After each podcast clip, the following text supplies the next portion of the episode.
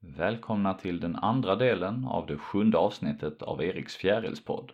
Här fortsätter mitt samtal med zoologiprofessorn och fjärilsexperten Nils Ryrholm. Vi talar om gräsmarker och jordbruksmark, vilka hot som de här eh, olika marktyperna är utsatta för och vad vi kan göra för att förbättra för fjärilar och andra djur. Eh, och vi talar också om mer generella hot som ljusföroreningar och invasiva arter.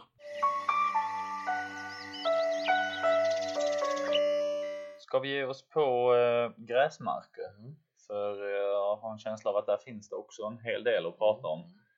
Och det kanske är en där det är, ja det är väl kanske viktigt på de andra äh, livsmiljöerna att skilja på olika typer men gräsmarker tänker jag att det skiljer ganska mycket torr, mm. torra gräsmarker till vi har mer friska och, och mm. fuktiga gräsmarker och rätt så olika fjärilsfauna i de här olika typerna av gräsmark. Eh, är gräsmarkerna illa ute? Eller? Ja, det är de absolut. Eh, att det är ju som så här att i, i någorlunda förhistorisk alltså tid innan människan då slog knockout på resten av, av faunan då, då, i Europa så, så dominerades det där på många ställen av de stora däggdjuren här så att, att Europa har ju som jag vill minnas förra gången då, då då hålls öppen av, av stora däggdjur. Så att vi har en stor andel av de arter som finns i Europa är knutna till öppna marker och evolverats under, på öppna marker under årmiljoner. Och, och eh, deras sista refuger är ju nu då olika typer av gräsmarker och, och det är som sagt man kan ju vara som insekt vara anpassad då till riktigt torra marker eller till friska marker eller till, till fuktiga marker. Men så att säga då ändå anpassade till att det ska vara öppet. Alltså att, att vi, vi har ju liksom en lite lustig definition att, att om vi blir bara blöta upp till knäna så kallar vi det äng här. Mm. och liksom blir, är det någonting som växer oss upp till huvudet så kallar vi det för buskmark är det någonting som är högre än oss så kallar vi det för skog och, och, och, och, så att vi har ju hela tiden utgått från ungefär vår egen normallängd för hur vi hanterar saker och ting. Men det är ju som så då här att äng, där kommer då, då eh, solen mer eller mindre ner till marken. Så att, att där blir det ju då varmare. Det vet vi att, att när det blir vad som 2018 då går man ju hellre och sätter sig under ett träd för att komma bort från solen. Mm. Att man liksom struttar runt på någon allvarmark eller någon torräng här mm. för då blir det i svettigaste lagen med 30-35 graders värme i Sverige och gassande sol här va. Mm. Så att, att äh, gräsmarker har ju då ett helt annat ljusinflöde och där har vi då, då äh, därför så att säga då hela den här då gamla stepp då, då äh, hedfaunan som då är knuten till och även då en, en stor artrikedom av blommor som så att säga har då eller blomväxter som var då betesanpassade och störningsanpassade av tramp av stora jordar av, av en det ena eller andra av de här maffiga då däggdjuren som våra förfäder då slog ihjäl och åt upp sen. Ja. Och hur hänger det, det ihop, alltså det här gamla landskapet som du beskriver med de stora djuren och det vi ser idag liksom, hur, vad är utvecklingen som har skett? Jo, våra förfäder då, vi är ju en väldigt smart apa här så att våra förfäder då, då eh, lyckades ju jaga ihjäl och äta upp de här som jag sagt tidigare här. Och eh, någonstans då så var det några då människor som uppfann jordbruket, det har nog uppfunnits på flera ställen. Och jordbruket spred sig då över världen, i alla fall den gamla världen. Och, och eh, det betyder ju då att människor börjar rota precis som de stora djuren och vi fick ett öppet musikartat landskap kanske såg annorlunda ut än under stora djurens tid men för de arter som var anpassade till det öppna landskapet med mycket störningar så gick det ju relativt lätt för flertalet i alla fall att överleva oavsett om det var växter eller insekter eller andra typer av små kryp. Så det betyder att, att flertalet arter överlevde ju då fram till då industri, industrijordbruket någonstans i början, mitten på 1900-talet. Och riktig kris blev det första efter andra världskriget när man började med, med, med fossila bränslens mekanik och storskalighet. Och eh, det var ju först då som den här mosaiken började försvinna fullständigt. Och någonstans här då så, så, så försvann, jo det, det backar lite här då att, att det var ju när eh, konstgödsel uppfanns i början på 1900-talet som då behovet av ängsmarker försvann. För ängen gav ju vinterfoder åt djuren hos oss. Och djuren var ju nödvändiga för att dels att ge oss, eller våra förfäder då, proteiner på vintern och att ge gödseln till åkern. Man sa ju i det gamla då, bondepraktikan, att, att ängen var åkerns moder eftersom ängen födde djuren på vintern och utan djur fick man ingen skit som kunde då, då, då gödsla åkrarna och då fick inte människorna särskilt mycket mat för då växte det för klent. Och på sommaren så behövde då djuren bete. Så då, på så sätt hade man både betesmarker och ängsmarker. Men när konstgödseln då kom så behövdes det ju inte då längre så mycket djur.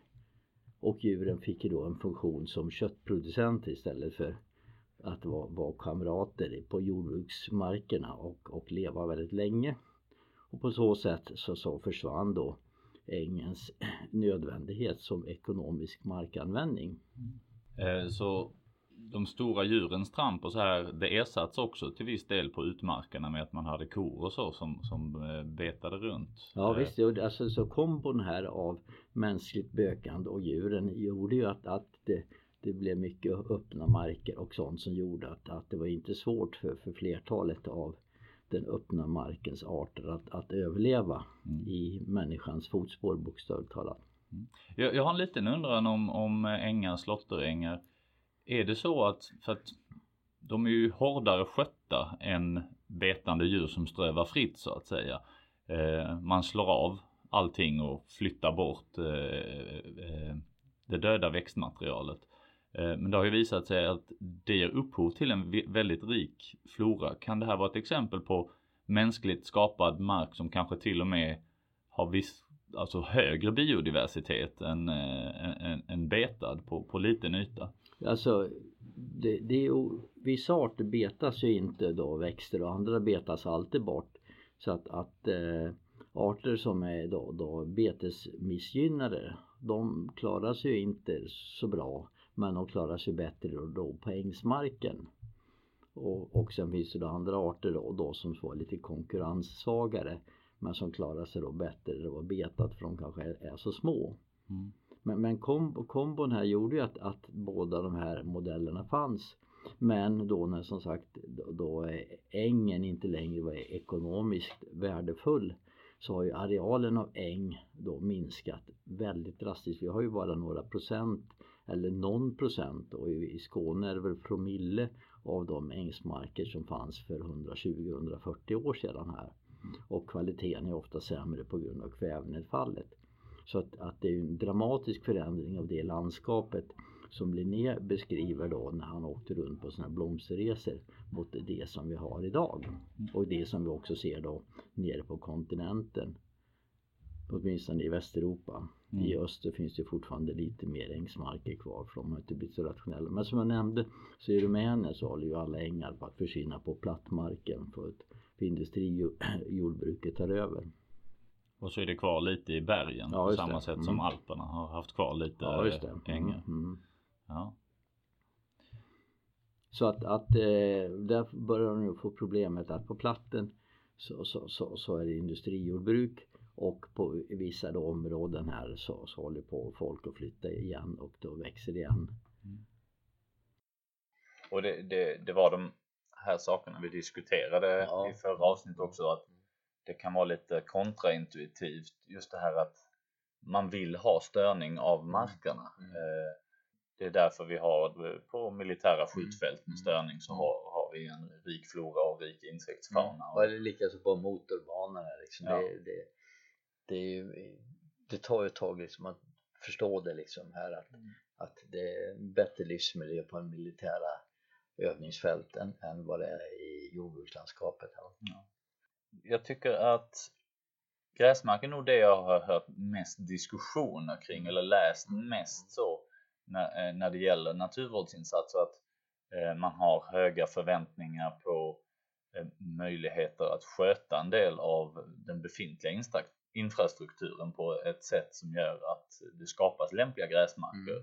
Mm. Eh, jag minns inte om vi talade om kraftledningsgator förra gången vi sågs, mm. men det är ett sånt sak som brukar lyftas fram att vi ska ju ändå röja i våra kraftledningsgator så där finns det ju goda möjligheter. Vi har vägrenar och, och, och, och liknande. Eh, vad, vad, eh, jag skulle, vad säger jag, du? jag skulle börja i lite annan ända innan vi kommer in på praktikaliteten. Då gör vi det. För att, att då det här med störning och bete så det ska man ha i bakhuvudet här. För att, att de här öppna markerna är, är, är ju då, då eh, känsliga från två håll då redan innan vi har förändrat klimatet.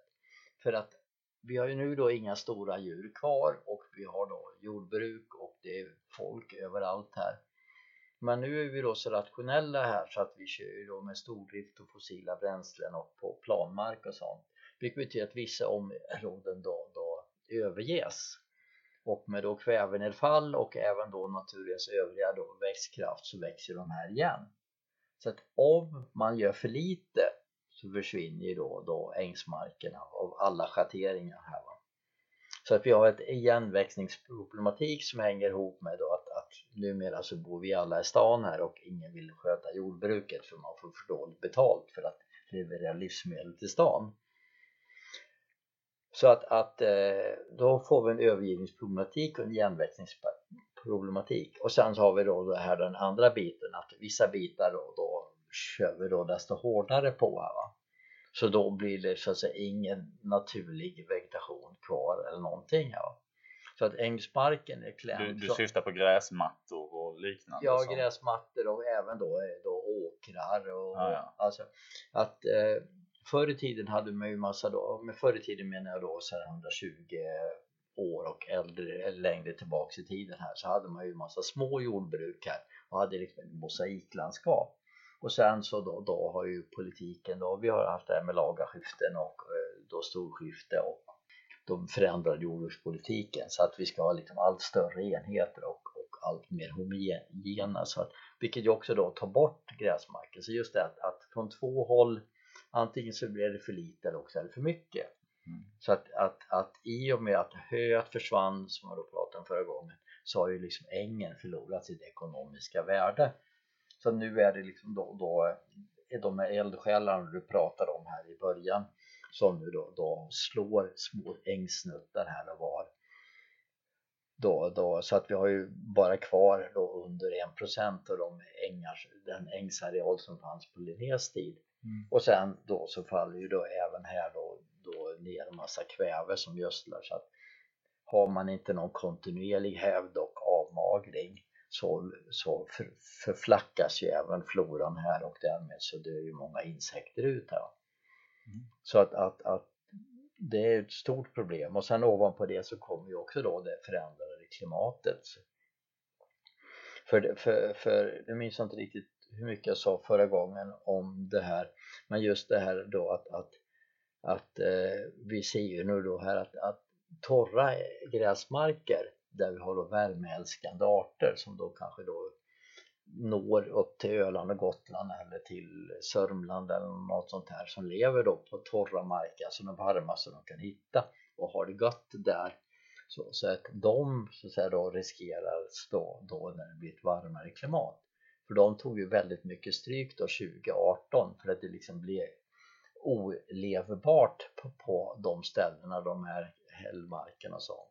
Så att fanns det då inga då, då eh, mosaikartade då liknande biotoper i lite då svalare lägen så kan så att säga de här värmeälskarna faktiskt då dö ut när vi får en ovanligt varm sommar. Ja, för mycket värme även ja, för en värmeälskare. Ja, just det för mycket, för mycket eller för lite skämmer allt så här. Så att just det här att har vi då bara små fnuttar kvar av en biotop så, så, så, så kan det vara för lite helt enkelt i ett förändrat klimat. Så med de här variablerna då så, så, så är många av de här arterna illa ute och det finns ju då flera studier. Vi har ju numera då det här som, som sköts av Lars Pettersson i i Lund då, då här så är svensk dagfältsövervakning som jag pratade om sist och som vi kommer att återkomma till misstänker jag. Eh, som visar liksom att, att de här arterna då tar stryk på grund av att, att habitatförflackning, habitatminskningar, alltså olika typer av, av kvalitet och, och eh, arealminskningar plus då att vi får ett klimat som kan göra att, att de här områdena bränns av då kanske inte av brand men kanske även då med risk för brand. Vi ser ju hur det går i Australien nu när de har då haft år av torka så kan det börja brinna var som helst här va. Mm. Och det är ju liksom en risk som vi, vi, kan ta. Vi såg ju för några år sedan här då när det var då, då eh, vindar från öster så började det till och med brinna i Norge på västsidan på vintern här va. Det är liksom ja. någonting som man inte ens tror är möjligt att norska västkusten ska brinna på vintern här va.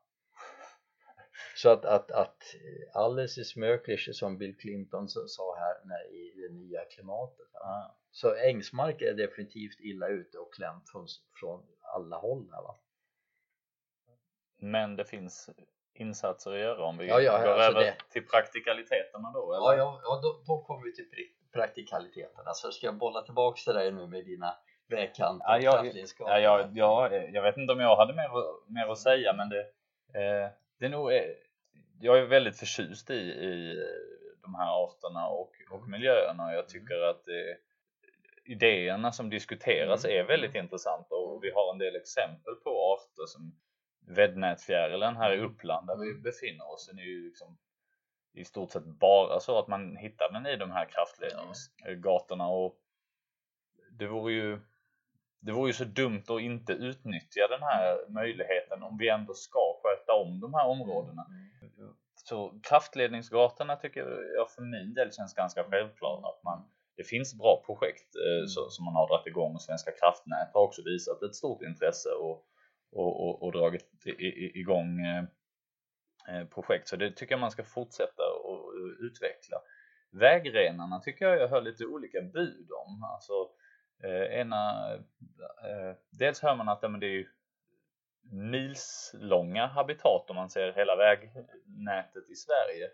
Eh, å andra sidan hör jag människor säga att det här blir en ekologisk fälla för fjärilar som blir överkörda på, på de mest trafikerade vägarna. Och så där är jag väldigt nyfiken på om, vad du har att säga om vägrenar. Alltså, det, ja det är ju mycket.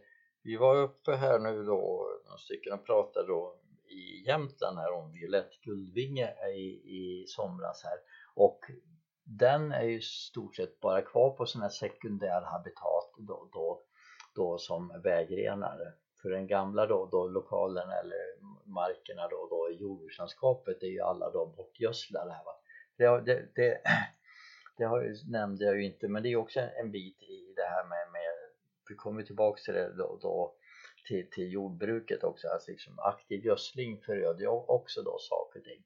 Men så att violett guldvinge är ju då, då i princip bara i kraftledningsgator och i, i, i vägrenar. Men, men alltså vi håller ju många då vägrenar men men de ställen man ska satsa på det är ju så att där vi inte har de riktigt intensiva vägarna. För visserligen så kommer ju då, då, då insekter köras ihjäl även på de mindre vägarna va? men det är ju så att säga då betydligt mindre tryck och kanske mindre hastigheter. Och det är bättre att några insekter blir ihjälkörda än att så att säga biotoperna försvinner så det inte finns några insekter som ens kan köras ihjäl så att säga. Va? Mm.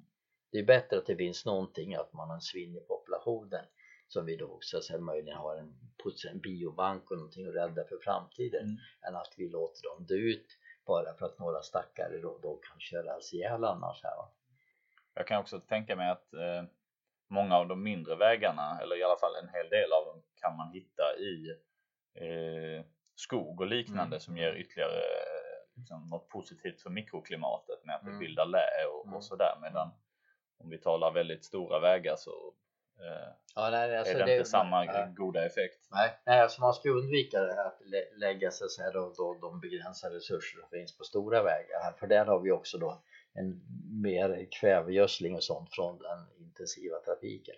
Det kan man ju titta på här om man åker på de stora vägarna så ser man ju då att då barrträden längs vägarna då är har oftast mycket högre grad av bruna barr på vissa ställen så är de ganska bruna då till den längs vägen beroende på just kvävebelastningen mm. som kommer från vägen. Va? Så att, eh, det är inte bara då att det köras ihjäl utan, så, utan men på mindre vägar så, så, så om man, det står ju oftast då om man tittar till exempel på bastardsvärm, man flyger i gläntor och längs skogsbilvägar mm. och det är just för att det är där som vi har de här öppningarna som finns kvar. Det finns liksom inga gläntor i produktionsskogslandskapet och inga värdväxter utan de förekommer just i då, då, då eh, vägrenarna istället.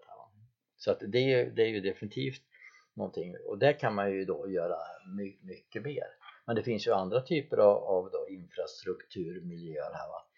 Vi håller på med ett projekt här då som leds av Nils Odén då i Upplands Väsby om något som heter Livslinjen, alltså göra världens längsta slåtteräng som ska i princip gå från Djurgården till Sigtuna, Uppsala. Så man ska i princip kunna då cykla och gå längs en slåtteräng här då i åtta mil eller något sånt där va. Vilken då. underbar idé kan jag mm. bara säga. Det, mm. jag att, hoppas verkligen det ros i land. Ja just det. Så att det är en sak och sen har jag, håller jag på lite med, med då exempelvis flygfält för där då är precis med kraftledningsgator, så håller man ju det öppna av säkerhetsskäl. Och där skulle man ju då kunna göra liksom då, de här då, eh, att sluta slå med roterande då, då, eh, klippgrejer utan göra på, på, på med, med slott. Vi har börjat med en del sådana här skötselplaner. Så skulle, för det, det är ju stora arealer också. Och det skulle slås med Ja, slåtterbalk istället? Ja, liksom man slår slåtterbalk för det blir dessutom billigare precis som jag sagt förut för, för det minskar då mängden åtgärder per år över tiden. För flygplanen släpper ju också ut en jäkla massa kväve när de startar och landar. Särskilt när de startar då, då, så att de här områdena gödslas och när man då slår de här med klippande grejer så, så, så blir ju allting kvar. Och då gödslas de här upp och gör man det här, eller alltså med man bara som en vanlig roterande mölj så, så blir det ju allt mer och gör man om de här så, så, så kan man ju få lägre tillväxt och så säga betydligt intressantare flora och man får en lägre produktion av biomassa vilket minskar då risken för att få in fåglar men samtidigt har man en större biodiversitet här va? så att, att det finns mycket att göra och det finns ju skattemedel att spara på det här också. Eh, nu, nu är inte jag så, så haj på, på slotterbalkar och så här men tillkommer det inte ett moment i att samla upp dött växtmaterial? Jo, jo men alltså det, då har du, du slår, alltså kanske första åren får du slå eh, kanske två gånger så ta upp här. Men om du slår med roterande så måste du klippa var tionde, var fjortonde, var tjugonde dag under sommaren här va. Och med ett längre dag då, eh, då växtsäsong, alltså i ett varmare klimat så måste du kanske då köra 20 gånger på en säsong och 20 gånger är väsentligt mer än fyra. Ja. Ja, men då, då, då är jag med. Eh, då är jag med på hur man mm. sparar pengarna mm. också. Mm. Ja, liksom så att det här är samhällsekonomiskt vitsigt. Det är liksom en win-win-win situation här. Man kan minska risken då för att få in måsar som kommer och käka på de här trädgårdsborrarna då och då som lever livets glada dagar på de här fetade gräsrötterna som blir när man då låter allt gräsmördiet ligga. Mm. Och sen så, så, så, så eh, får man in andra eh, så att säga, citat värdefullare arter genom att göra då torrmarker av det. Va? Eh, jag har hört att man är det på Arlanda det finns till och med någon rödlistade växter. Ja, ja det finns ju mycket fältgentianer på. De är så låga så de, de klarar sig ett tag till. Då, då, så de slår, nackas inte då av de här roterande. Men så att säga då, om det blir mer tätare så kommer då, då, då är de här att, att eh, då, då, då eh, eh kunna konkurreras ut. Det är gott om, om, om, om eh, intressanta bin på Arlanda men vi har ju sett att på andra miljöer som så att säga har en bättre regim så får man ju flera då, intressanta arter per areal. Så att Arlanda skulle kunna göras både billigare och så att säga artrikare. Eh, det, kan vi även tänka oss rödlistade fjärilar som hittar en eh, ja, tillflyktsort ja. på flygfält. Ja, det, alltså det finns ju på andra ställen här. Va? Jag har ju jobbat med Karlstad, där har de ett antal rödlistade arter här va? Och, och förhoppningsvis så fortsätter de väl med, med det vi har gjort hit, hittills här då för att, att, så att säga, minska sina driftskostnader och så säga, då, då öka den biologiska mångfalden. Ja, det, ja mycket intressant. Eh, mm. vad... en, en annan sak, vi, då den här Nils Odén som jag nämnde som nu är i Upplands Väsby, vi skapade då den här ekologiska kyrkogården då Berthåga då på Svenska kyrkans uppdrag, det är ju han som är projektledare för det då. Den, den vet jag att Karin ja, Arné nämnde när jag pratade med henne. För det gjorde vi då, då eh, setupen på för ungefär 25 år sedan. Och där har ju då, då, då, då ett antal rödlistade arter etablerat sig, alltså sådana som man inte ser på Uppsalaslätten då, då, men som uppenbarligen funnits någon refug, alltså då tre arter bas, bastardsvärmare då, då vicker, glasvinge, liten blåvinge och ett antal andra då, och där har vi en klassisk slåtter och det, den är ju gjord på gammal då, då eh, lera så det är ju gammal fet jordbruksmark som nu då hävdat sig under ett antal år här, va? och har ju en fantastiskt rik flora så att alla som har chans att besöka den då under sommaren kan ju dit och titta hur det ser ut om man har klassisk hävd även i ett område med mycket kvävenedfall och som i det här fallet då på, på, på ganska fet då, då, då, då, då sjöbotten. Här, va? Mm. Eh, vad, eh, vad säger du, är det lönt för eh, lyssnare att titta på den egna trädgården och mm. Eh, göra mm. något liknande ja. där? Mm. Ola Jennersten som jag nämnde förut har ju skrivit en del om, om just det vad man, man kan göra det här med, med kanske då nämnde väl lite också att man kan ha liksom litet hörn med vilda växter och kanske då man måste kanske inte ha en så stor gräsmatta och om grannen klagar på mycket maskrosor så är det som, som så att slutar man klippa gräsmattan så då så kommer maskrosorna att försvinna på några år för maskrosorna är ju konkurrensstarka på en hårt klippt gräsmatta det är en av de få blomväxter som fixar det där mm.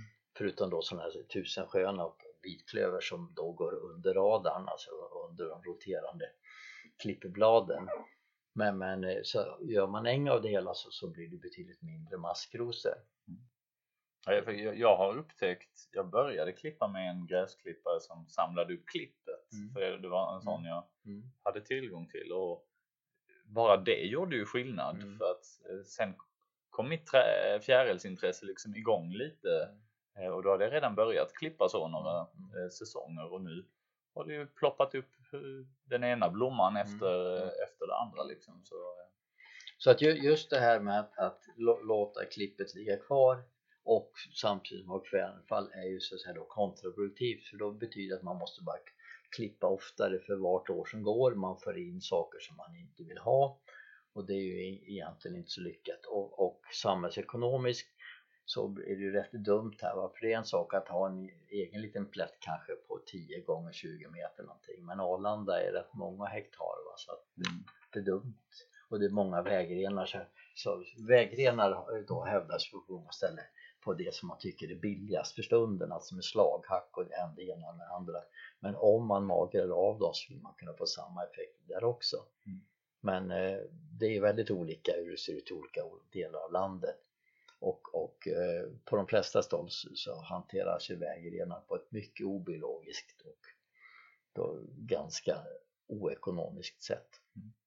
Mm. Men jag tror ändå att äh, gräsmark äh, och liksom slott och så här kan vara ett av de här tipsen om man verkligen känner att man vill göra mm. någonting. Mm. Så ja, men, har man några vänner så, och har man någon mm. vettig mark att tillgå eller kan man eh, prata med kommunen för mm. att och veta om det finns någon mark som man kan få ta sig an och, och slå så kan man, ja, men som Berthåga mm. kyrkogård som du nämnde, det, det är något som gör skillnad och förutsatt att arterna finns inom spridningsavstånd så svarar insekter snabbt och man, man mm. kan faktiskt få lön för mödan. Mm. Och inte bara insekterna, floran svarar snabbt. Ja, absolut. Jag har varit och pratat med Nyköping och Oxelösund och de har ju börjat med en del sådana här projekt och, och nu har jag inte riktigt följt upp det men så vitt jag vet så sparar de ju pengar på, på folk tycker att det blir vackrare.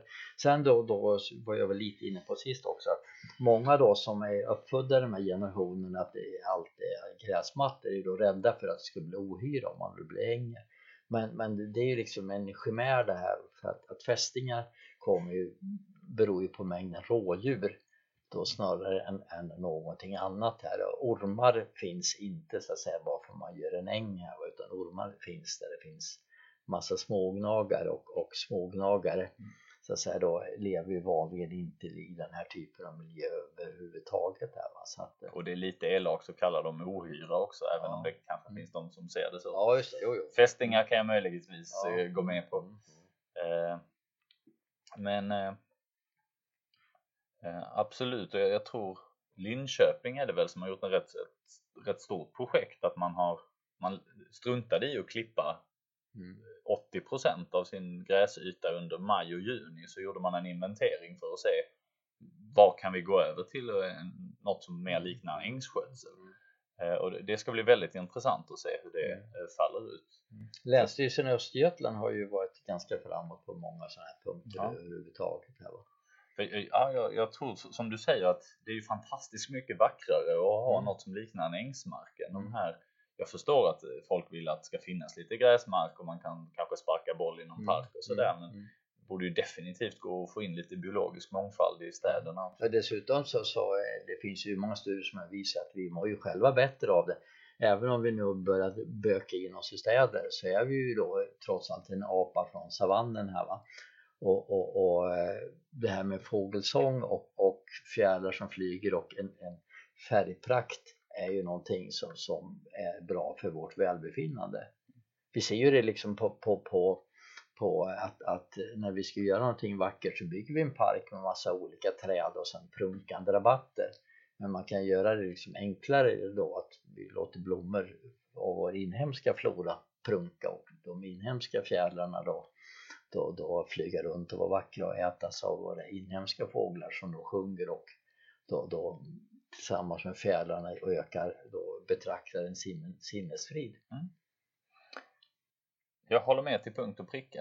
Eh, vill du säga någonting mer om gräsmarker? Ja, det finns ju mycket man säger men, men eh, vi kan nöja oss så här tror jag liksom för att, att de är helt enkelt illa. Och vi behöver mer gräsmark. Och de gräsmarkerna som vi har är då oftast av dålig kvalitet helt enkelt.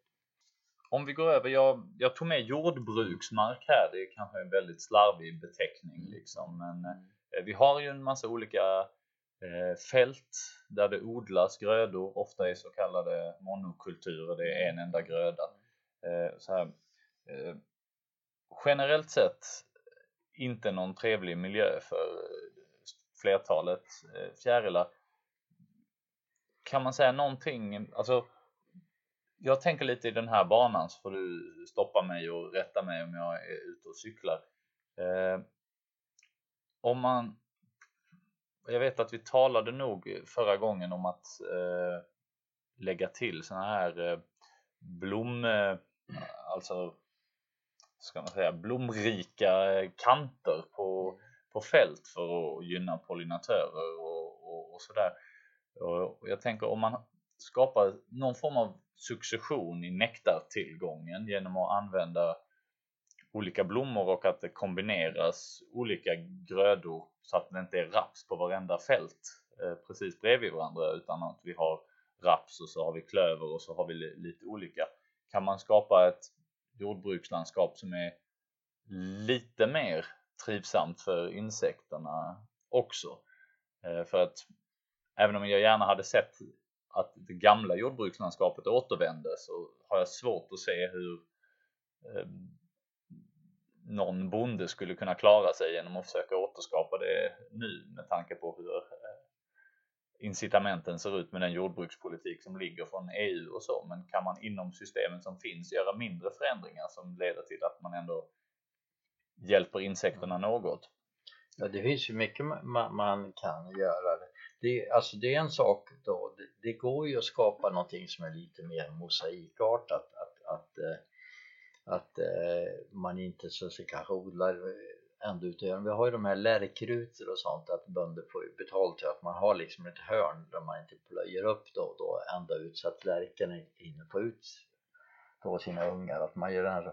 Det är också viktigt här då, då om man gör sådana här saker att man då tänker på att att, att eh, att eh, man inte ska spruta massa bekämpningsmedel överallt för då blir det här också en dödsfälla att man bjuder in till dukat bord här va men så gasar man allihopa va Ja. Det, det, är ju, det är ju en ganska viktig, jag har ju sett det, det är både i norra delen av Kalmar län och i södra Östergötland att man hittar såna här små åkeröar som ser alldeles fantastiska ut men de är helt sterila här. Alltså det är massor med blommor här och, och gassiga små miljöer men det finns ingenting som lever på dem för att någon gång har liksom bladlösen bekämpats i veteåkern runt den här odlingsholmen mm. och den tar ju då död på alla andra insekter och, och eh, små kryp här va? så att eh, nektarväxterna står där och blir opollinerade. Jag hade en doktorand för ett antal år sedan som tittade just på skillnader då i, i växter då, då, då deras utveckling i, mellan då eko eh, lantbruk och så kallade konventionella och det var ju inte då så jättestora skillnader men de här ekolantbruken var då ganska nya och alla de här låg ungefär då, då om vartannat här va? så att de kanske inte var helt eko alla de här. Men vad hon såg var ju då det här att växter, alltså så då vilda blomväxter och vissa då, då, då, då typer i i så att säga, det konventionella jordbruket ägnar sig mer åt vegetativ förökning än vad man förväntade sig och, och då, då, det var i större omfattning då så att säga sexuell förökning och frösättning och, och sannolikt beror det på att det, liksom, det fanns inga insekter som kunde sköta liksom, växternas sexliv här då, då utan att, att eh, de blommade förgäves helt enkelt här, va? så att evolutionen eller selektionen gynnade då, då, då de individer som ägnar sig mer åt vegetativ förökning. Aha. Och det är ju liksom lite trist så att säga. Här och det måste ju vara en fara för jordbruket också ja, i de fall man har grödor som är i behov av pollinering. Ja, alltså.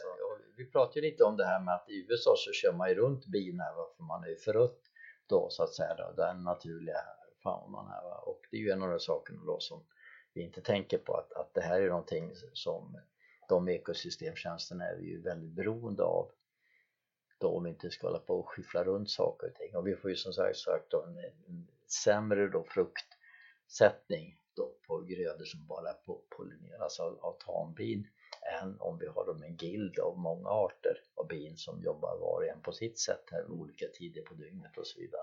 Ja. Så att, att eh, det där är då är ju viktig bit och det är mycket man kan göra det i jordbruksmarker. Du, man ser ju ofta på många ställen man åker här då, då att, att, eh, att människor då har skaffat åkergräsklippare och de kan ju till och med köra i dikena då, då lite sånt och det tycker jag verkligen är att köra i diket när det gäller liksom då, då landskapsvård att det är så kul att åka åkergräsklippare här va? så att man reflekterar inte över vad man ställer till med va? utan mitt förslag är att älskar du att åka åkergräsklippare så skaffa en slåtterbalk och koppla till den här och göra gör de här områdena som, som, som eh, som du kör på till en äng istället. Ja. Det är mycket bättre för din sinnesfrid och sannolikt för ditt äktenskap också. ja, nej jag tror inte jag kommer falla dit på en åkergräsklippare. Nej, men alltså gå in på nätet så ser du, kan du gå in och hitta många stolta åkergräsklippare som visar att de har klippt ett stort område som de aldrig skulle överväga att klippa om de skulle göra det för hand ja. eller slå med lia. Ja. Och det har jag full förståelse för, men det kanske vore bättre att lämna det i så fall. Men, men äh, skaffa en slåtterbalk då, eller någon klippgrej till din åkgräsklippare. Det blir färre körningar per år men då kanske man kan då ta till något annat område. För det är så många områden som står och växer igen där. Bönder har ju knappast tid att göra det här men det finns områden som står och växer igen mm. och det finns massa då små vägar och det ena med det andra som, som, man skulle kunna göra no någonting med. Mm. Vi har ju liksom då, då, då då på något sätt kommit bort från det här att, att, eh, att eh, vårda landskapet för sin egen och vår egen skull utan vi liksom är så produktionsinriktade och så rationella men så kommer vi in liksom, det är inte produktions eller rationellt att, att köra då åkgräsklippare men det är kul här va mm. Och, och eh, då, då, eh, jag hoppas ju att det ska kunna få till det här med golfbanor som väl du också börjar bli mogna att inse att de ska kunna dra sitt strå till stacken. Så jag hoppas att inom några år så kan vi då, då, då även få eh, mer biologisk mångfald på, på golfbanor. Mm. Det finns ett sådant intresse nu också. Och det finns ju andra marker också så det är mycket man kan göra i infrastrukturmarker som vi än så länge inte gör och även att man skulle kunna då jobba mycket mer med jordbruksmarker utan att öka kostnader men liksom få ett, ett trivsammare landskap. Mm. Det kommer mer om sånt också vill jag minnas i den här boken av Ola Jannersten. Mm. Eh, har vi uttömt det vi vill säga om, eller uttömt är väl att ta i men eh, ja, vi, vi har ju, diskuterat ja. om livsmiljöer som eh, du, som... Får, du får göra två poddar av det här tror jag men jag tror eh, eh, Eh, ja, jag tror att vi kan nöja oss så, så, när det gäller de bitarna. Sen har vi en del andra saker som faller ovanpå de här som vi kanske ska gå igenom också. Okej, okay, om, om vi anser oss färdiga då med, för den här gången i alla fall, med livsmiljöerna. Eh, så finns det några specifika problem som vi ändå inte riktigt har berört som, eh, som påverkar eh, fjärilar och andra insekter ganska mycket. Och en sån här är ju ljusföroreningar. Eh, vad är detta och hur påverkar det? Jo, vi har ju då, då under de sista, vad är det, 140 åren har haft tillgång till elektriskt ljus vilket gör att vi människor har ju kunnat lägga om dygnet vi är liksom inte beroende av dagsljus på samma sätt som har varit och det har ju ökat vår produktions kapacitet på något sätt att man kan sitta uppe hela natten och göra vad man vill och sen sova på dagen eller något sånt där vilket kanske inte är så bra för vår biologiska klocka men i alla fall. Och eh, i vår iver då att, att eh, stöpa om världen så har vi då fyllt våra städer och våra vägar och sånt med då lampor. Och eh, fram till nu då, då LED-lamporna i alla fall så, så har de då spridit då, då eh, ljus åt alla möjliga håll. Så att det är väl många av er som, som har sett de här bilderna då, då på jorden från satelliter. Och har ni inte gjort det så gå in och titta på det och googla på sådana saker i alla fall. Så kan man se att från yttre rymden, eller inte från yttre rymden men från rymden i alla fall. Så på natten så, så lyses då alla då eh, tätt då, då befolkade områden i västvärlden upp så att hela Europa då är en enda, nästan en enda stor ljusfläck och då amerikanska öst och västkusten och andra befolkningscenter är också då ljusfläckar liksom östra Kina, Japan och eh, kusterna i Australien och valda delar av Afrika och så vidare. Så att eh, i princip ända ut i rymden så har vi då att, att då natten har lysts upp och åker ni ner till då Tyskland eller då eh, till England kan man säga, så, så södra delen av Storbritannien och är ute en mulen kväll så, så ser man liksom då de här ljusa fläckarna runt om på, på himlen. Det blir aldrig riktigt mörkt längre. Och det här är ju då ett stort problem för fåglar som orienterar sig efter då, då bakgrundsstrålningen på himlen och stjärnor och likadant då för nattflygande och insekter som använder då bakgrundsstrålningen på himlen för, för att, att, eh, att, att hitta sin väg. Och helt plötsligt så har det kommit in då ljus som så att säga deras då mycket små hjärnor när det gäller insekterna då inte riktigt kan hantera. Och evolutionen ger dem aldrig någon chans till det hela, i alla fall inte gjort för många av dem då torskar på grund av det här ljuset. Så att, att eh, från att ha varit liksom ljuspunkter oändligt långt bort så man kan flyga hela livet utan att man så att säga då ändrar i princip positionen mot de här ljuspunkterna så helt plötsligt så kan man då hamna runt en ljuspunkt så man flyger runt, runt, runt, runt, runt. Man kommer ingen annanstans runt, runt, runt. Och då fastnar man uttröttad i närheten av det hela och blir ihjälkörd av en bil uppäten av en fågel på gry gryningen eller trampad under en fot. Om man hamnar på en trottoar och så vidare så att det är en enormt stor dödlighet på då nattaktiva insekter och, och i många städer så har ju då så att säga den nattfaunan uttunnats mycket kraftigt för de överlever inte det här. Och likaså då här med då att migration som faktiskt förekommer ganska mycket att insekter störs ju också där precis som fågelmigration gör. Så att, att eh, ljusföroreningarna är då, då inte bara för vår hälsa utan även för många insektspopulationer då mycket farliga och, och eh, skadar hela. Och det är också som så att insekter använder då ofta UV-ljus då för att orientera sig på natten för det går då genom moln så de alltså ser UV-ljus till skillnad från vi människor. Och, och eh, det, det i och med att det går igenom molnen så funkar det ju liksom oavsett om det är mulet eller då om, om det är, är klart. Och det gör det att när vi då skapar lampor som innehåller UV-ljus så blir de ännu mer attraktiva. Det är sånt som vi som håller på med fjärrar utnyttjar.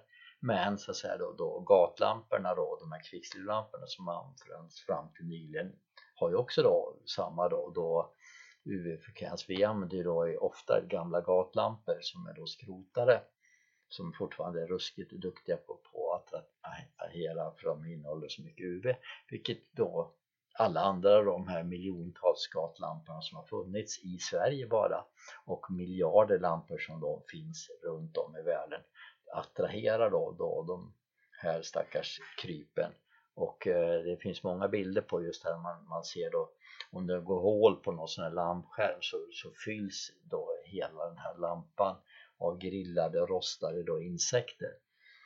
Så att, att, eh, att eh, den mängden som då dödas direkt eller indirekt runt lampor är oerhört stor här va? Att, vi pratade lite om, om det här med, med att det här med samla och det ena med det andra men den mängd som så att säga direkt eller indirekt dödas av nattaktiva insekter då runt de belysningar som vi haft är ohyggligt stor.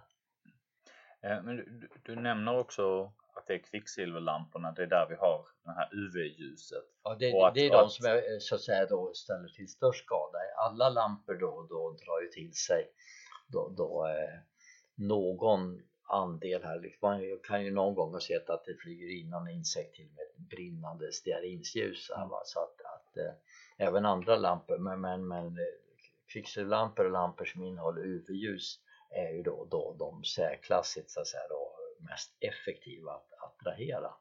Men, men kan man tänka sig att den här eh, LED-revolutionen eller vad man nästan får kalla det som vi har börjat mm. se nu Eh, för kvicksilverlamporna har ju förbjudits så det, ja, det snarare så det har blivit ett problem för mm. Eh, nattfjärilsintresserade för man får inte tag på dem där.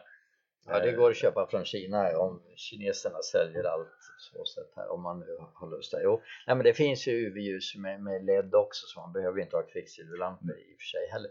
Men, men EU har ju då, då av, av så att säga, både ljus då, då föroreningsskäl och energiskäl då, då eh, gått över till eller att försöker driva då att då, då man ska ha ledlampor och att ledlampor ska så att säga då vara riktade så de lyser då neråt.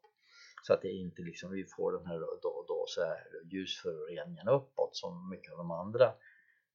Och, och, och det är ju bra. Och sen har ju vi då, då eh, också drivit i och det har ju då Österrike var ju de som var först med det, liksom, att man använder då våglängder som är då betydligt mindre attraktiva då för, för, för insekter. Man gör liksom då, man gör en mix som vi då uppfattar som vitt ljus, alltså vi människor, men som då inte innehåller alla våglängder och på så sätt då är betydligt mindre attraktiva än då UV-ljuset. Så på så sätt så är det hopp om att, att Europa skall då bli betydligt mindre så att säga då farligt för nattaktiva djur än vad det varit hittills. Det här är någonting som pågår och förhoppningsvis kommer det bli som så att, att hela EU får regelverk att man ska undvika just att ha de här UV-ljusgrejerna. Sen så, så, har man ju då olika policy i olika länder. I Sverige så tror vi att vi blir väldigt mycket tryggare ju mer belysning vi har. Men, men eh, tittar man då i Polen och Tyskland så har de ju inte mer våld utanför belysningen än, än vad vi har på något sätt. Vi har ju mest våld i städerna nu för tiden här det finns gott om lampor här. Det, vi har ju inte skjutningar då, då där det inte är belysning så att, att på något sätt så har vi kommit till någon koncept här i Sverige om att det är tryggare med belysning. Mm. Jag minns inte om jag nämnde det sist men det, så vitt jag har förstått så, så studenterna då på, på 1800-talet när man införde då, då gasljus i Uppsala gick ju de och sparkade sönder de här för de tyckte liksom att det störde deras integritet här när liksom man fick för mycket ljus på gatorna. Så vi, vi, vi, vi, är ju liksom då konservativa, all förändring är av, av ondo här och nu har vi blivit så vana med lampor så att, att, att det argumenteras alltid att det blir så otryggt om vi har mindre belysning men som sagt att vi har ju inga skjutningar då, då utanför de belysta områdena på nätterna här va. Mm. Och, och eh, våldtäktsmän står ju inte ute i skogen, de står ju liksom och väntar längs belysta vägar och sånt. Mm. Hagamannen är ju ett klassiskt exempel på det att, att, eh, att, att han plockade sina offer som gick längs de belysta vägar mm. medan han själv stod utanför. Så det där är ju delvis det är liksom lite off i det här sammanhanget. Men just det att vi i Sverige ska behöva ha så mycket mer belysning än alla andra för att vi ska känna oss trygga har på något sätt då, då eh, dragit iväg åt, åt ett annat tankegods än vad man har i de flertalet andra länder. Men, men här eh, på, eh, vad gäller ljusföroreningar så finns det ändå skäl att vara hoppfull att den teknologiska förändringen gör att ja. Ja, alltså och, och, i åtgärder Europa, som att rikta ljus och sätta skärmar på lampor så kan vi komma åt det som har varit ett Ja, ganska alltså, stort problem. en, stor del av problemet går att komma åt, inte riktigt allt, men, men i alla fall att, att, att den här så att säga då massakern av, av, av nattinsekter då, då, då eh, kan ju minskas högst avsevärt i alla fall. Mm. Och just att man väljer då, då eh, våglängder som inte lika skadliga. Och sen så på många ställen så kan man ju faktiskt stänga av belysningen under sommarhalvåret för att, att vi har en så pass ljus natt här att det är ganska meningslöst att ha massa lampor som står på och liksom den största skadan görs ju då, då när, säsong, när säsongen är som ljusast. Mm. Så att, att på många ställen så skulle man ju också kunna skada då, då, då, då spara skattemedel om man stängde av lamporna första maj och inte satte på dem då förrän eh, första september eller något sånt där va. Mm. För att, att inte ens i Malmö det då så är så himla mörkt då i öppen mark att det egentligen finns något större behov av det här. Mm. Nej, vi eh, och hoppas att, eh, att man också kommer kunna påvisa det här i utvärderingen framåt att det faktiskt har någon positiv effekt för Ja, men alltså det, insektspopulationen. ja, det, det, det är ju helt klart så sätt att det är signifikanta skillnader då, då i sam, samma då arter i olika delar av, av Europa på samma breddgrad med, med, i områden då, då som, som eh, är belysta. Alltså det, sen så finns ju andra variabler då att längre västerut så har man förstört mera livsmiljön och sånt. Men en sån art som oleandersvärmare, Daphnis neri, då, då eh, försvann ju över stora delar av Italien när Mussolini började elektrifiera landet här för han är tydligen väldigt då torsk på att, att, att det fastnar på lampor här va. Mm. Då, då, så att den finns ju på Capri och några andra ställen men, men den är ju liksom då väldigt få ställen då, då trots att det finns hur mycket då nergömma då, då värdväxter eh, längs då he, hela då Medelhavsområdet alltså en väldigt poppis krukväxt så har ju då, då, då fjärilen i stort sett för, försvunnit från alla de här ställena då. Så att, att eh, det är ju ett exempel på, på en av de arter som har tagit väldigt mycket då skada. Den är liksom stor och fet här och då, då så att det är väl mycket mat på en sån Mm. ifall den hamnar på en lampa. Va? Mm. Men då, där, där håller vi tummarna för ett, ett övergående problem eller ett problem där vi kanske Ja, är, är mini- över den värsta puckeln. Ja just det, alltså övergående kanske är för tidigt att säga men i alla fall då, då, då är ett, ett problem som, som har hopp om att det kan minska här Mm. eftersom så, så, då, det, det, vi vinner då så mycket utöver det med insekterna liksom att vi minskar förbrukning av energi i, och vi, vi minskar så säga, ljusföreningarna och därmed så säga, då, då även människors ohälsa eftersom vi mår inte heller bra av det här med att rubba vår biologiska klocka även när vi är ute va? så det har ju också effekter på, på, på folkhälsan. Även om det kan vara värt det om man sitter uppe och spelar in en fjärilspodd. Ja, Vill jag bara tillägga här. Ja just det, eller vara ute på något annat sådär. Det finns ju sånt som man kan göra roligare på natten men, men just det här att, att generellt sett utsätta sig för det här i alla lägen kan ju vara lite i mesta laget. Ja. Eh, ett annat problem om vi lämnar ljusföroreningarna, eh, ett annat problem som, eh, som vi inte heller riktigt tagit upp. Invasiva arter. Vad är en invasiv art och varför är det här ett problem som är värt att ta upp i de här alltså, diskussionerna? invasiva arter är ju då det är ju arter som vi människor då, då avsiktligt eller oavsiktligt har flyttat från en del till en annan del av, av, av världen. Och eh, vi flyttar ju då, då, om det är avsiktligt så flyttar ju de till någon annan klimatzon. Men då de här då växterna inte har några, om det nu är växter så har de kanske ingen som käkar dem, inga naturliga fiender. Och är det djur så har de inga naturliga fiender. Och därmed så kan de så att säga då, då, då vålla väldigt stor, stor, stor skada på den inhemska floran och faunan. Om vi då tar en växt som exempel så lupiner som vi då fiskat från från, från Mellanamerika eller, från Sydamerikas bergstrakter eller från Nordamerika beroende på vilka arter vi nu, eller vilken art vi nu pratar om så tycker vi att den är väldigt vacker men nu i ett varmare klimat och så att säga då med mer kvävenedfall och om du vad du nu är för kombo så sprider sig lupinen ganska snabbt. Det syns ju väldigt tydligt här i Mellansverige och, och, och eh, norrut att längs vägarna då så, så sprider sig lupinerna.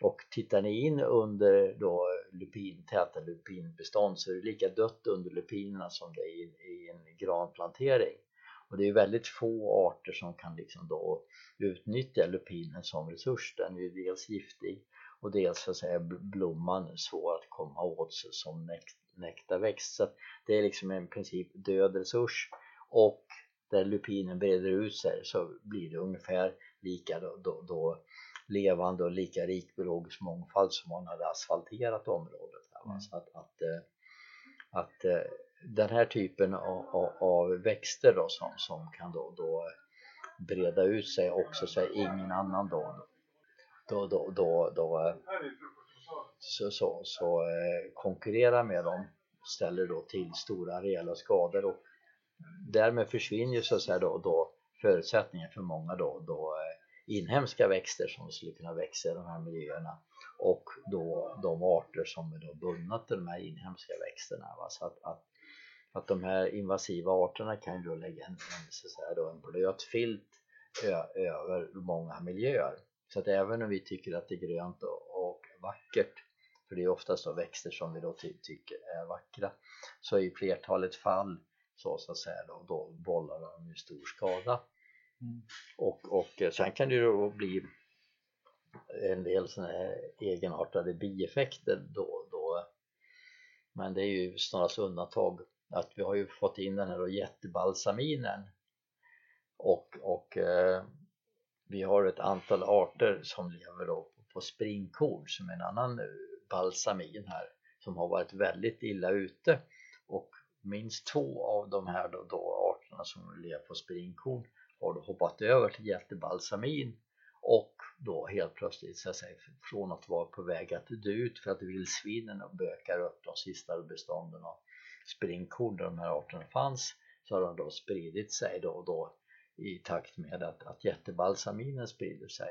Men jättebalsaminen föröder ju också då, då livsmiljöerna eftersom de står i täta bestånd och konkurrerar allt mindre. Så att det är liksom ett grannlaga problem och det här är ju liksom en anomali.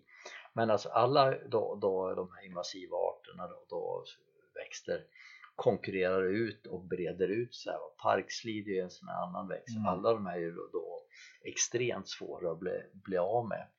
EU har gjort en svartlista då och, och eh, för att komma, komma åt de här och vissa av de här då som är, självklart borde vara med på det eller är inte med på dem för att, att länder har inte råd anser de att, att hantera de här grejerna mm. för att det är för dyrt att börja röja som här guldris och lupin och sånt men vi måste ju någonstans börja hantera det här då, då. och likadant här vad man som badgäst på västkusten inte tänker på att, att människorna som bor på västkusten på lägger då, då hur mycket då skattemedel som helst på då att röja vresros för inte vill någon komma till väst, västkusten och trampa liksom runt i taggiga vresrostbestånd för att kunna då, då komma till vattnet eller springa barfota att få fötterna fulla. Men vresrosen då, då kommer då från sommarstugområden eftersom den är då en utmärkt häck mm. då vindskydd och inget som man springer igenom. Men, men jag vet inte hur mycket pengar som numera läggs på, på att, att bekämpa vresros i sandområden på västkusten men det är rejäla pengar här va. Och just det här att, att eh, inte vill man, man att alla badstränder ska bara vara gigantiska vresrostsnår men även på andra ställen i sanddynområden och på andra, längs vägar så, så, så blir det ett stort problem. Så det finns en ganska lång rad med växter som spelar roll. Och sen har vi då även på, på insektssidan så kommer det in då arter som kan då ställa till med problem här. Och på djursidan ska man ju tänka på exempelvis mink som då, då äter sjöfågel och, och eh, vattendjur. Så nu har ju minken då minskat. För den har ju varit här ett tag. Men, men så även då mårdhund som så att säga då, eh, då sattes in av ryssarna då från östra då, då Sovjet till västra Sovjet. Och som sprider sig då, då i övre Europa och tvättbjörnen som kommer då som tyskarna satt in för, för att jaga det, eller Nazityskland koryféerna satte in som det också spökar till det i söder. Så att det finns ju då må många och vi har ju en del invasiva då, då även, även då, då, då eh, ryggradslösa djur mest i vatten men även då en och annan då, då då, då fjäril och annat som kan då kanske då bli skadedjur eller kaläta då, då träd för att de har inga naturliga fiender i de områden de hamnar här. Mm.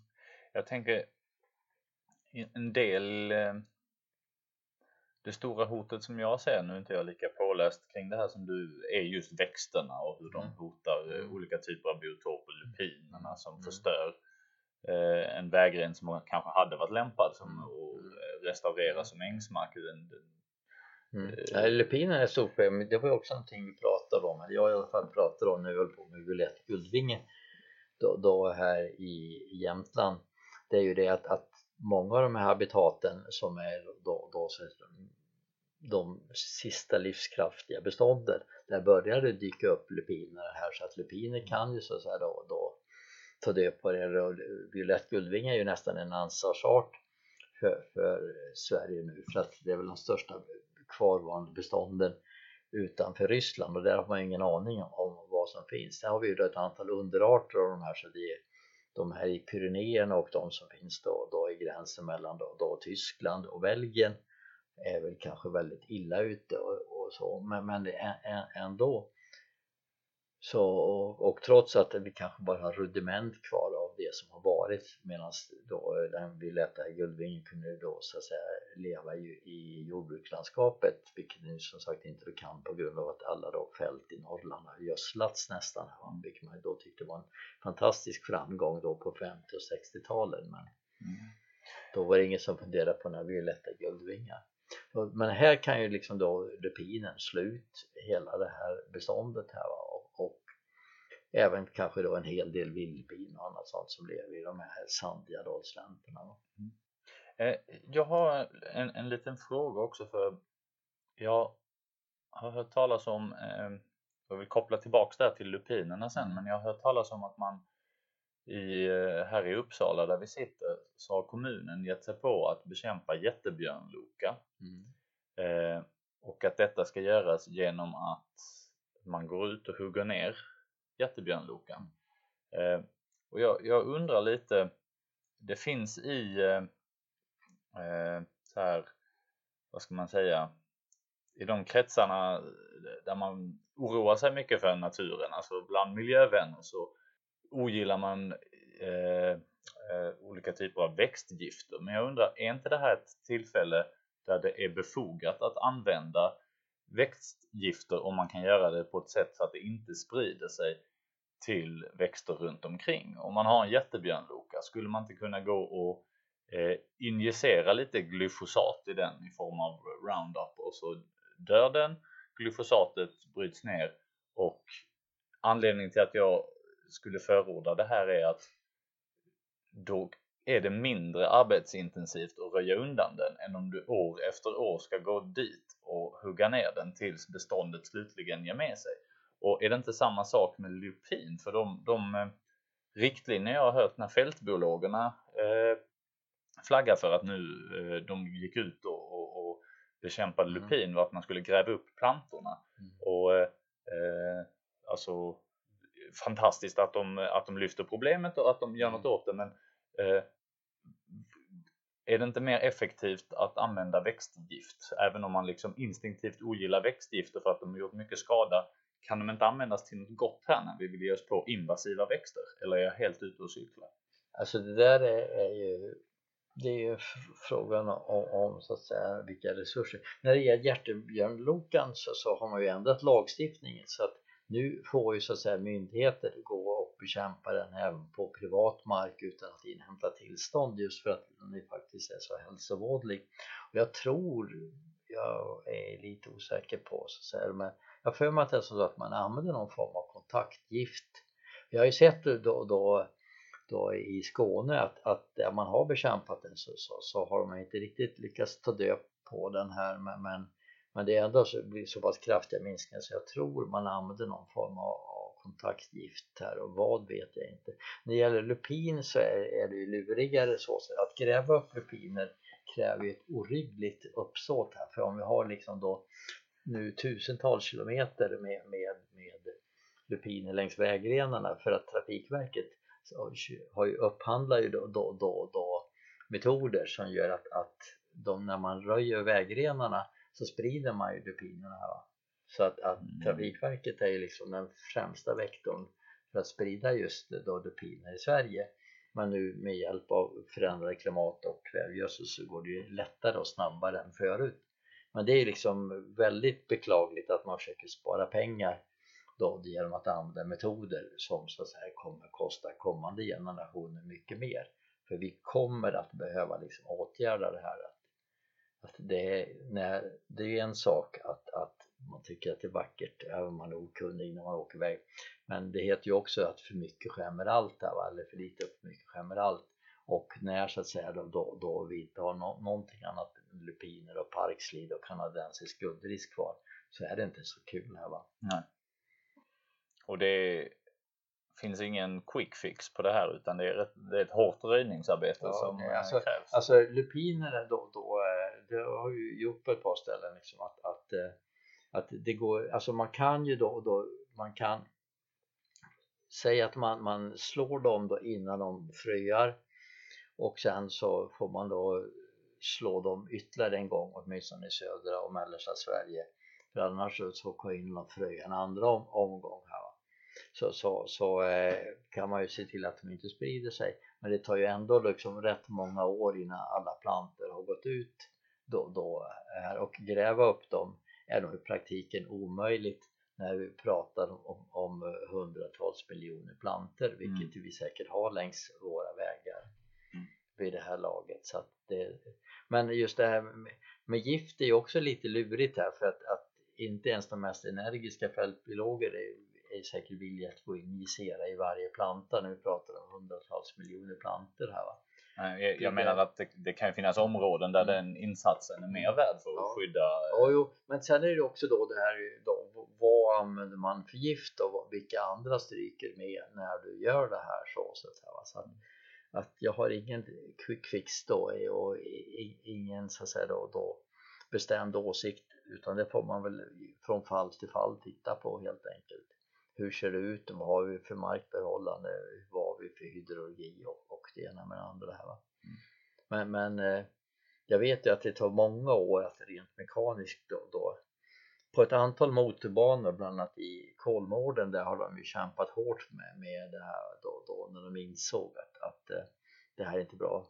Så att det går ganska snabbt att få ner mängden men man måste hålla på ett antal år för att liksom en rotstump kan ju liksom komma loss och sen de första åren är ju de här lupinplantorna så små så då måste man ju vara väldigt då så här skarp för att se varenda liten planta. Mm. Så att man kan ju då tycka att liksom, nu har vi utrotat alla och sen tre år senare så har man ganska många som har poppat upp igen här va. Mm. Så att man måste ju vara extremt idog så sätt. Det kan man ju göra på, på en, enskilda områden men, men, men, eh, men som sagt att, att Trafikverket gör ju än så länge allt eller väldigt mycket för att sprida dem om än oavsiktligt istället för att börja bekämpa dem. Så att, att eh, det finns ingen enkel man kan då titta på Norge som, som de har ju förbjudit liksom då försäljning av lupiner. Norge är mycket mer så att säga då, då, då eh, framåt och mycket längre fram när det är just invasiva växter.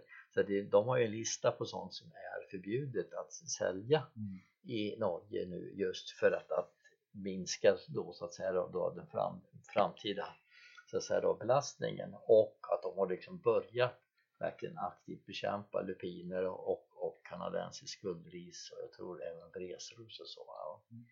Så att det är mycket att, att, att göra där också här och, och eh, nu så, så, så, kan vi ju rapportera de här på artportalen också så att då, då det finns alltså då möjlighet att börja titta på hur ser spridningsmönstren ut även för de här svartlistade arterna. Mm. Och jag tror ju då så, som du var inne på att, att att är de här växterna som idag är det största problemet då, då, då snarare än, än, än, eh, andra arter. Det kan ju snabbt ändra sig om det kommer några arter som sprider sig för vinden. Den här orientaliska då, jättegetingen här mm. är ju en sån här art som om den liksom i en virvelvindsfart tog, tog etablerar sig över hela Sverige. De har ju dödskommandon då, då i Storbritannien, alltså special styrkor som åker ut. Om någon rapporterar dem där så åker de ut alltså och knipsar dem en gång för de är livrädda för att, att de här ska liksom då bli miljontals och eftersom de helt saknar då, då fiender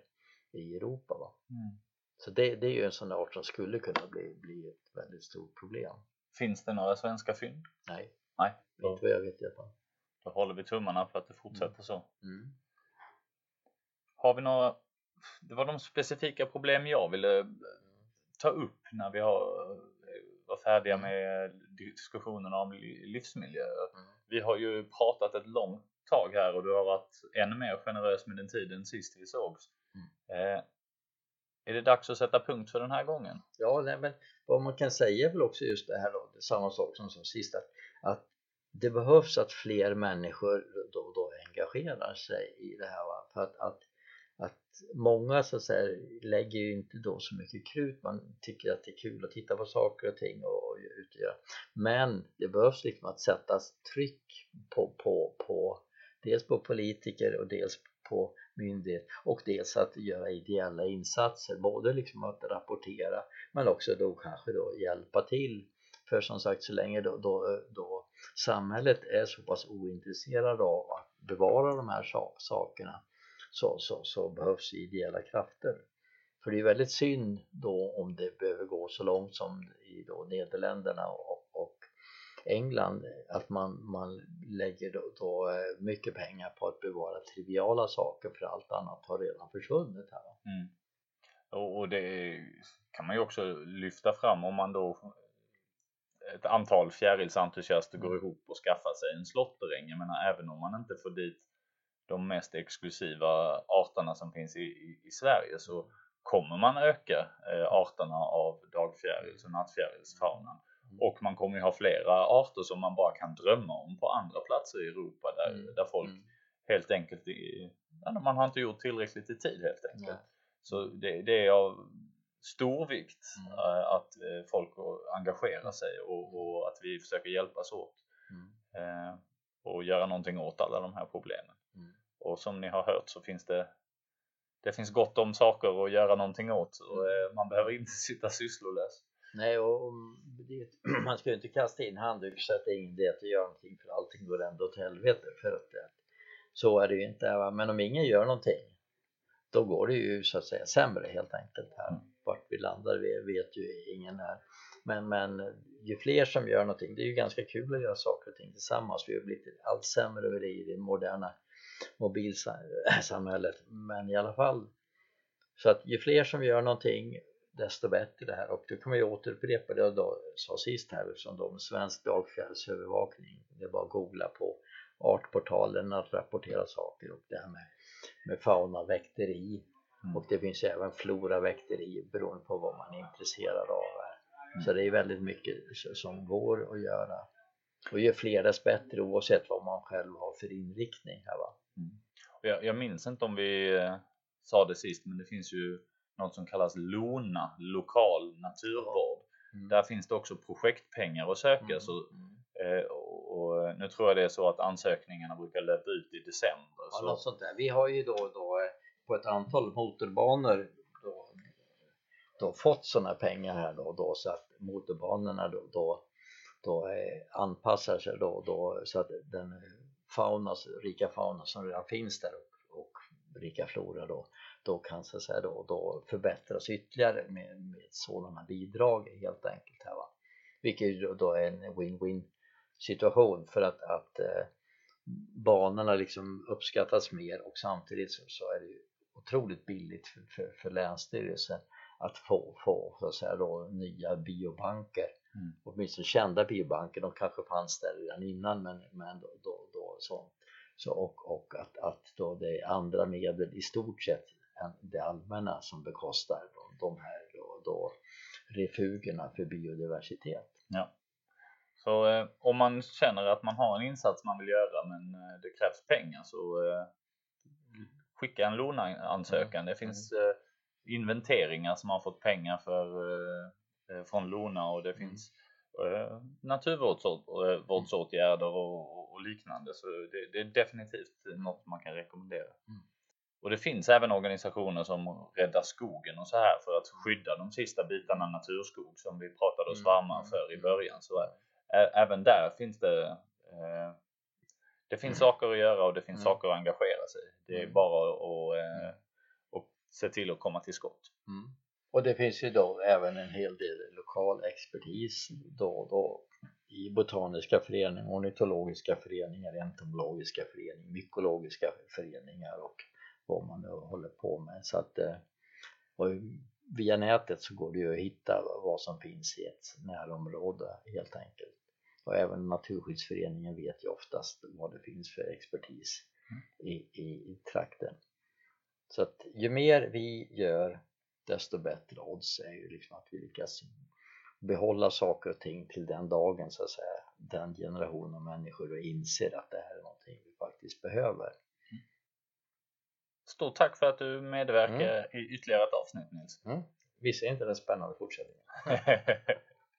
to be continued.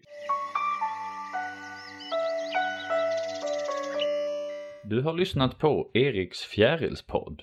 Du kan hitta mer information om podden och dess avsnitt på dess Facebook-sida som också heter Eriks fjärilspodd.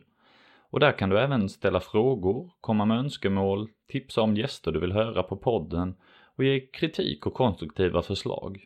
Och om du vill stödja den här podden så kan du göra det genom att tipsa vänner och bekanta om den och dela den på sociala medier. Du kan även stötta podden genom att swisha pengar till nummer 0733 56 49 67. Och bidragen gör att jag kan lägga mer tid på podden och att jag kan betala för den utrustning som behövs för att producera den. Så tack för ert stöd och stort tack för att ni lyssnat.